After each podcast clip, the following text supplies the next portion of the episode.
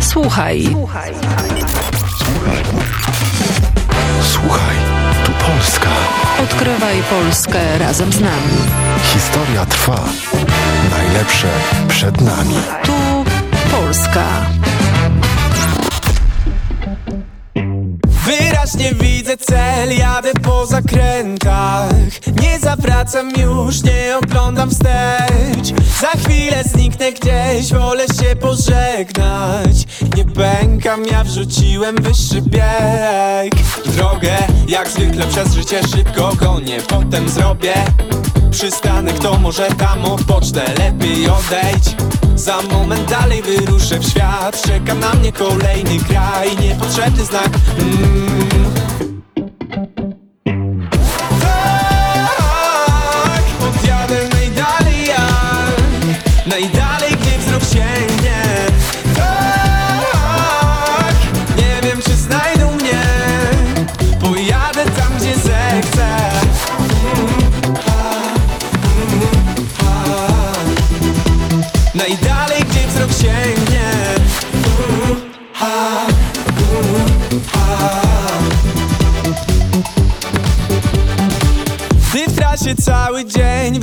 Gra piosenka. Niepotrzebny skrót, droga cieszy mnie. Możesz zaczepić mnie, nie zatrzymasz jednak. Nie będę stać, ja wrzucam wyższy bieg. Drogę koleją, autem lub samolotem. Zawsze dotrę do miejsca, które sobie założę. Wiem co zrobię. Byle przed siebie taki jest plan. Teraz widzę za oknem jak dobrze widzę świat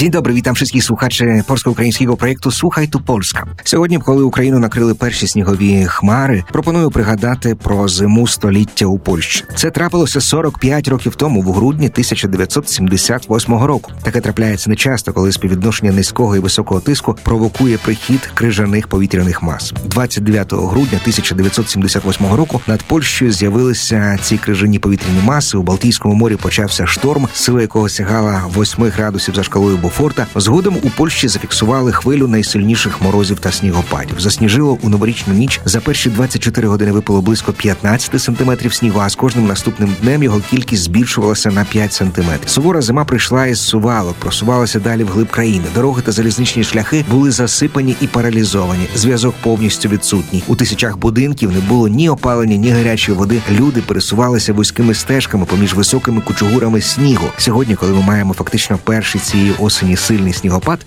давайте пригадаємо, якою була зима століття у Польщі 45 років тому. Біля мікрофона Андрій Конько запрошую наступні півгодини провести разом з нами.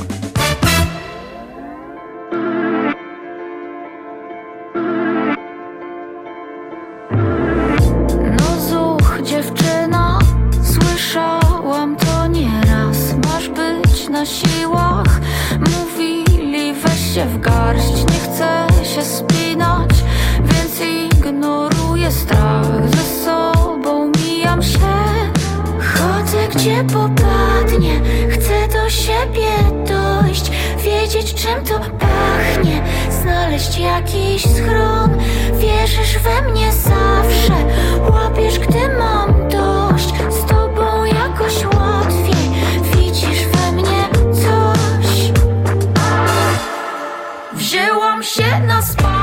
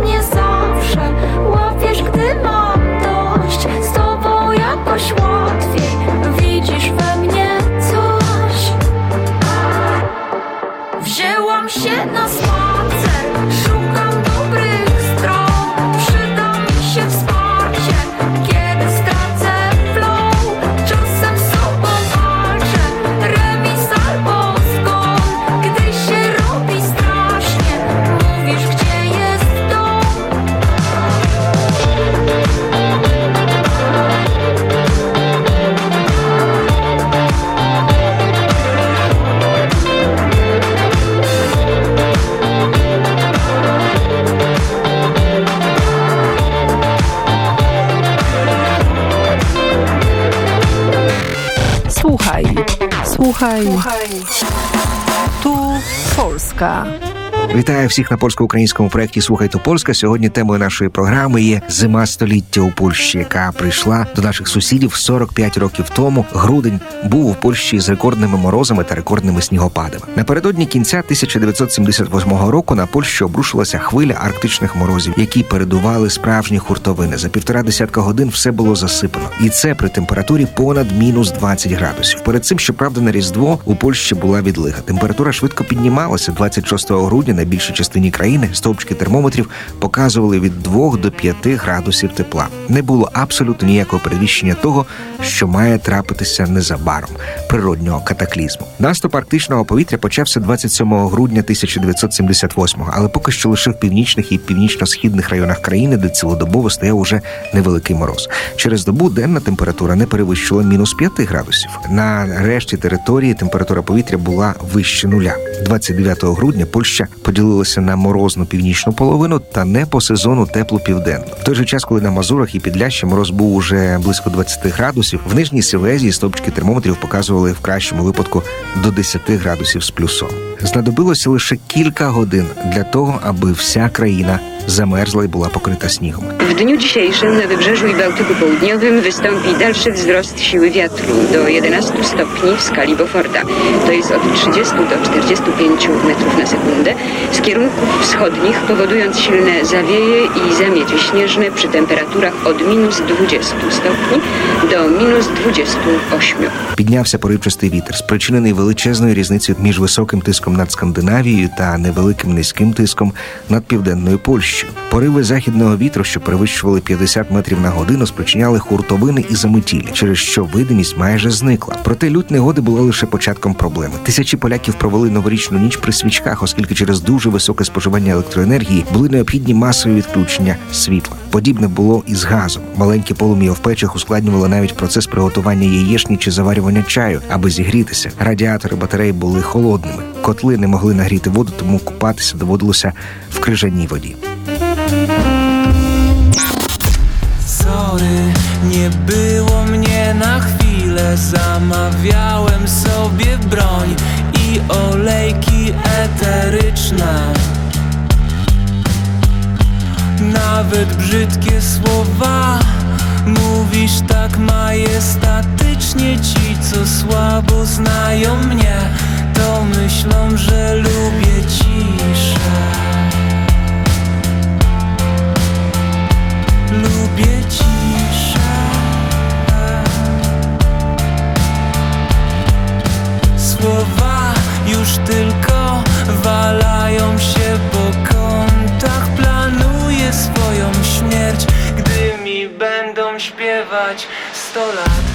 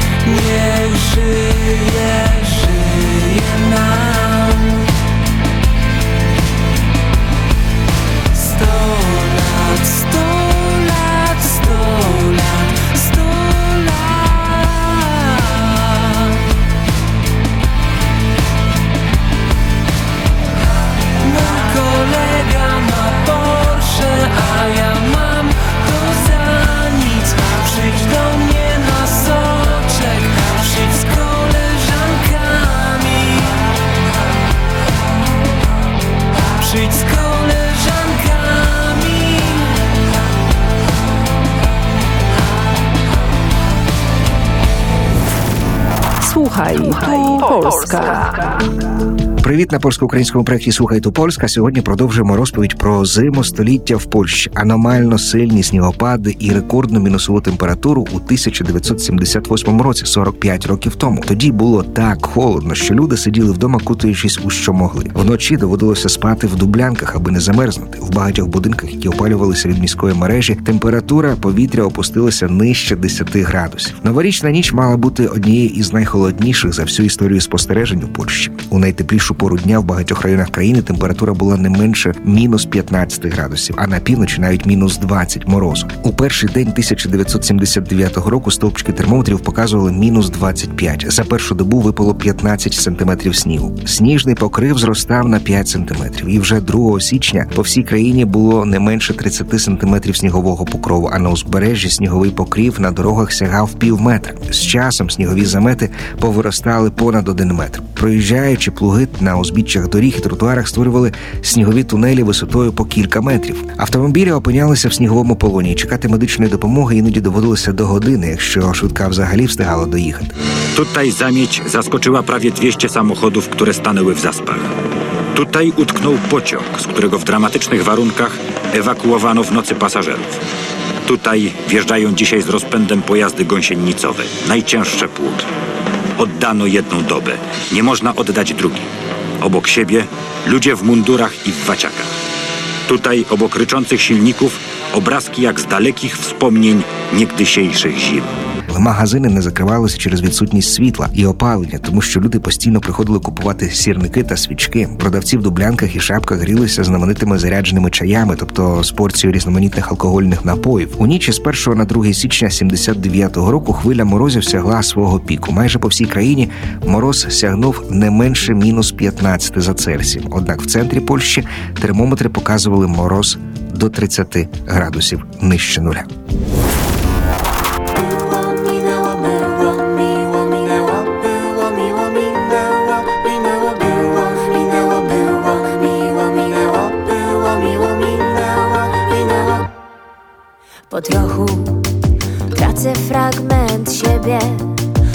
Każdym razem, kiedy jestem z tobą razem. Padam z nóg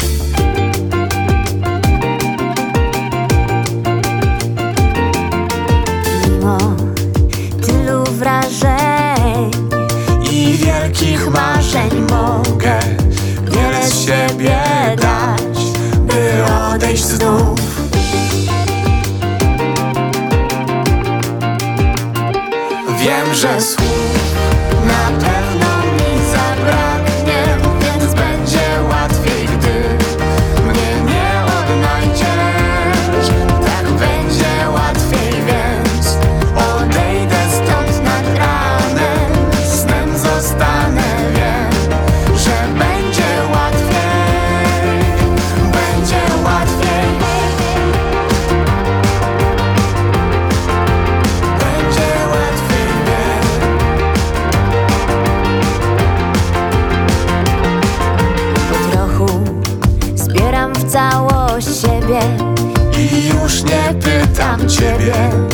Jak się czujesz? Mój świat wiruje mimo Tylu nadziei. Wiem, że trzeba było to zmienić. Mogę dziś dać niemało By tak zostało.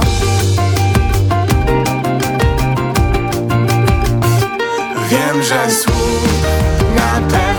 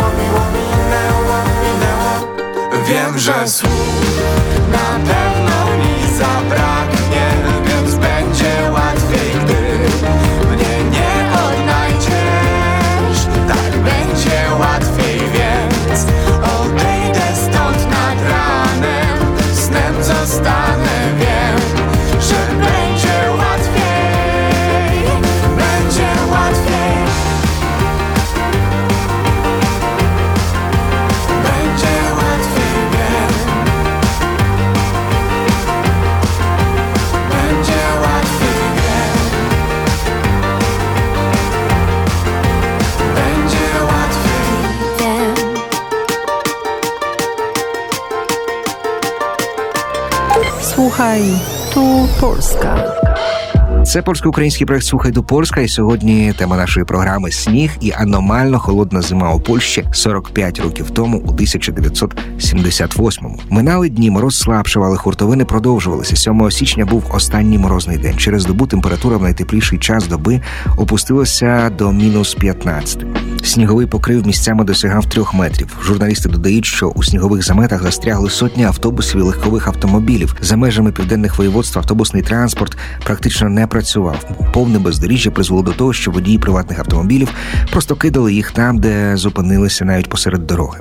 Роботі дорожників заважали сотні машин, які застрягли в снігових заметах. Ситуація ж на залізниці межувала з гротеском. Засніжені стрілочні та залізничні переводи, станційне обладнання позамерзало, рейки та тягові троси порвалися. Саме це спричинило багатогодинну затримку поїздів, яка була значно збільшена через те, що міністерство зв'язку надало пріоритет вантажним поїздам, які перевозили вугілля та мазут на теплоелектростанції. Цей крок був цілком зрозумілий сам по собі, оскільки життя в містах залежало від постачання цієї сировини, але на практиці все це не мало користі, оскільки товарні потяги також зупинялися сніговими заметами, і коли вони дивом досягали місця призначення, вугілля було настільки замерзлим, що його неможливо було ані використовувати, ані навіть вивантажувати з вагонів. Вугілля і нафта приходять замерзлими як каміння. При 20-градусному морозі працівники ТЕЦ ломами і кирками вивантажують скам'яніле вугілля, пише життя Варшави. А залізничний тижневик сигнали підтвердив, що сам факт прибуття поїздів до ТЕЦ був неординарною подією, навіть святом. Через негоду Польщу вкрила хвиля хаосу. 800 пасажирських сполучень були скасовані, а ті, які збереглися, побили рекорди із затримки, від яких автори книги Гіннеса зблідли б від сорому. Наприклад, нічний потяг із Щеціна до Білостока, який згідно з розкладом мав прибути на станцію призначення зранку, але було вже далеко за полудень, коли він відправився лише з Гдині, тобто із запізненням майже на добу. Pociąg ekspresowy Kaszub z Warszawy Zachodniej. Planowy przyjazd pociągu do Gdyni, godzina 21 minut 49. Jest opóźniony 973 minuty, za co uprzejmie przepraszamy. В ніч із 14 на 15 лютого біля піли у снігових заметах застрягло відразу три пасажирські поїзди із пасажирами. Пасажирів поїзда Вулч-Кшиш вранці звільнила армія, яка розкопала депо і звільнила людей із снігового полону. Недаремно на вокзалах відбувалися апокаліптичні сцени. Натовпи відвідувачів юрмилися іноземці в паніці, намагалися покинути Польщу. Однак вони теж застрягли в потягах і на вокзалах. Gdańsk. Przerwamy nasz normalny program, aby Państwu przekazać bardzo ważny komunikat. Zgodnie z posiadanymi pełnomocnictwami, wojewoda gdański w obliczu nieprzerwanych opadów śniegu i bardzo silnego wiatru ogłasza na terenie województwa gdańskiego stan klęski żywiołowej. Не назвати щасливчиками і тих людей, які в ці дні залишалися вдома. Лише в столичній волі зафіксовано понад три тисячі відмов центрального опалення. В сусідньому Желібожі понад тисячу. Зниження температури в тепломережі призвело до масових тріщин радіаторів на сходах і в тих приміщеннях, власники яких поїхали на свято, залишаючи вікна відчиненими. Проте найгірше було не у Варшаві, а на півночі країни, в провінційних містах. В області було ще гірше. Район Владиславово, Пуцьк, Вайгерово відрізані від світу повністю. Їжу туди надсилали з вертольотами. Негода на Балтійському морі була настільки сильною і відчутною, що кораблі примерзали до хвилерізу порту. Незважаючи на назву, зима 1978-79 року не була найхолоднішою за минуле століття. Нижчі температури спостерігалися у 1963 році, не кажучи вже про рекорди з Кракова чи Седлець, де відповідно у 1929 чи 40 роках термометри показували менше 40 за Цельсієм. Унікальним того року був надзвичайно інтенсивний снігопад, який виявив повну бездарність влади. Варшавянин Рафал Яблонський саркастично зазначив, що найбільшим успіхом столичної гміни у боротьбі з снігом було звільнення директора компанії міського прибирання. І не за замети на вулицях, він нам нещодавно сказав, а за те, що доставляв лопати не туди, куди очікувало місто. На календарі тоді прощалися із 1978 роком і вітали 1979. Сподіваюся, що снігопади і погода цього року буде як для нас, так і для поляків більш поблажливою, і ми будемо тішитися всіма радостями зими, не відчуваючи негативних наслідків, негод, снігопадів і морозів.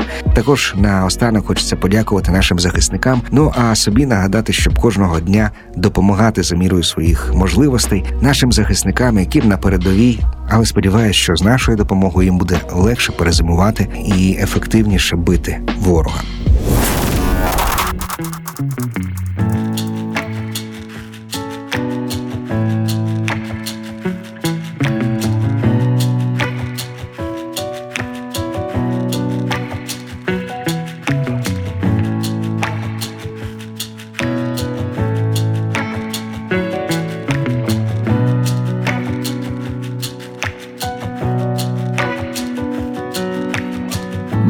mi, że mogę być kim tylko chcę Być gwiazdą, świecić jasno w Los Angeles.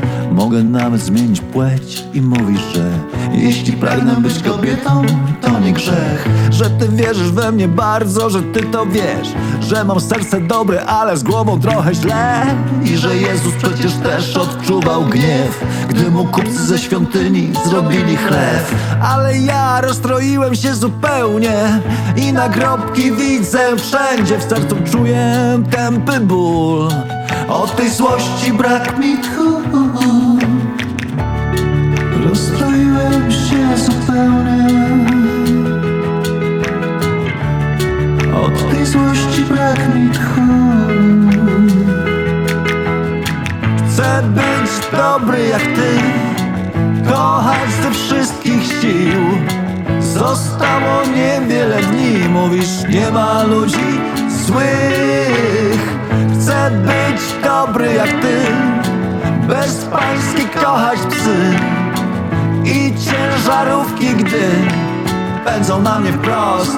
Wiem nie ma ludzi złych To tylko ludzki błąd